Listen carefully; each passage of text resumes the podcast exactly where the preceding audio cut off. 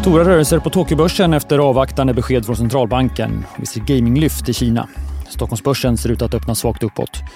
Du lyssnar på det i Morgonkoll. Jag heter Alexander Klar. Ja, den japanska centralbanken Bank of Japan orsakar mest rörelser på asiatiska marknader. Centralbanken lämnade ännu en gång räntan oförändrad på minus 0,1 procent, vilket var väntat. Däremot fanns nog en viss osäkerhet i marknaden kring några nya hökaktiga överraskningar. Men till skillnad från i december så kom inte heller några besked om att till exempel bredda toleransintervallet för räntan.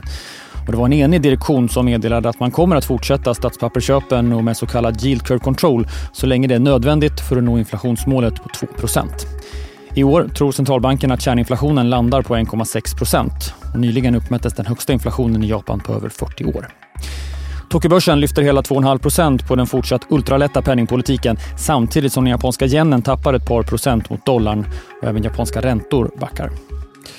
Det har också kommit en hel del data från Japan under natten. Bland annat syns en snabb inbromsning i maskinorderingången. Siffrorna för november visar en minskning i månadstakt med över 8 procent Marknaden hade skissat på en nedgång med knappt 1% På Hongkongbörsen, där index är närmast oförändrat, lyfter flera gamingaktier efter att kinesiska myndigheter godkänt verksamhetslicenser för 88 spelbolag, däribland jätten Tencent.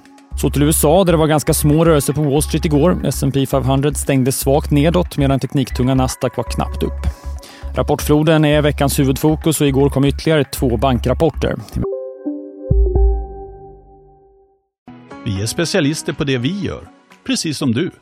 Därför försäkrar vi på Swedea bara småföretag, som ditt.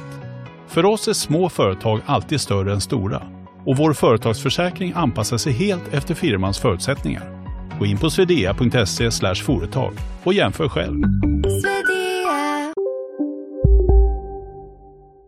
Investmentbanken Goldman Sachs föll 6% Både intäkter och resultat var sämre än väntat medan Morgan Stanley kom in i linje med förväntan och steg nästan lika mycket. Båda bankerna pressas av sjunkande intäkter inom investment banking och Morgan Stanleys intäkter inom segmentet minskade med nästan 50% jämfört med samma kvartal året innan. Så till Sverige. Även här har det kommit en rapport. Riskkapitalbolaget EQTs resultat var något lägre än väntat.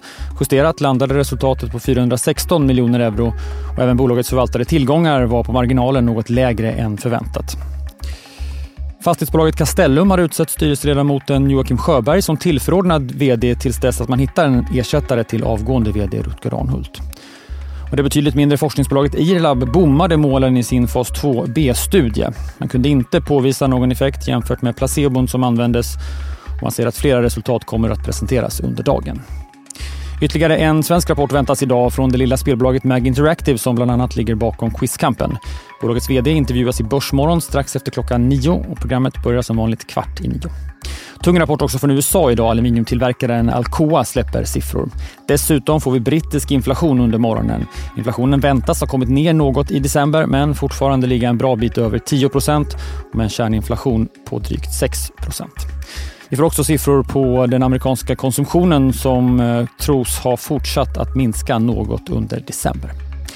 Det var allt för dagens Morgonkoll. Fler nyheter som alltid på di.se och härnäst i DTV Börsmorgon kvart i nio. Jag heter Alexander Klar.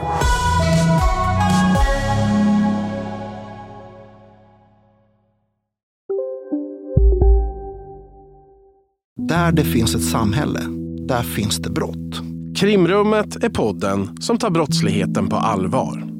Jag bjuder in landets ledande experter och tar upp aktuella rättegångsfall för att begripliggöra den kriminalitet som kryper allt närmare. Du, alltså, du kan knäcka ett eller några gäng, men det kommer komma nya och så kan vi knäcka dem sen. Men att du ska knäcka allt forever, det kommer aldrig ske. Det är infinite gain. Lyssna på Krimrummet, en podd från Expressen med mig Kim Malmgren.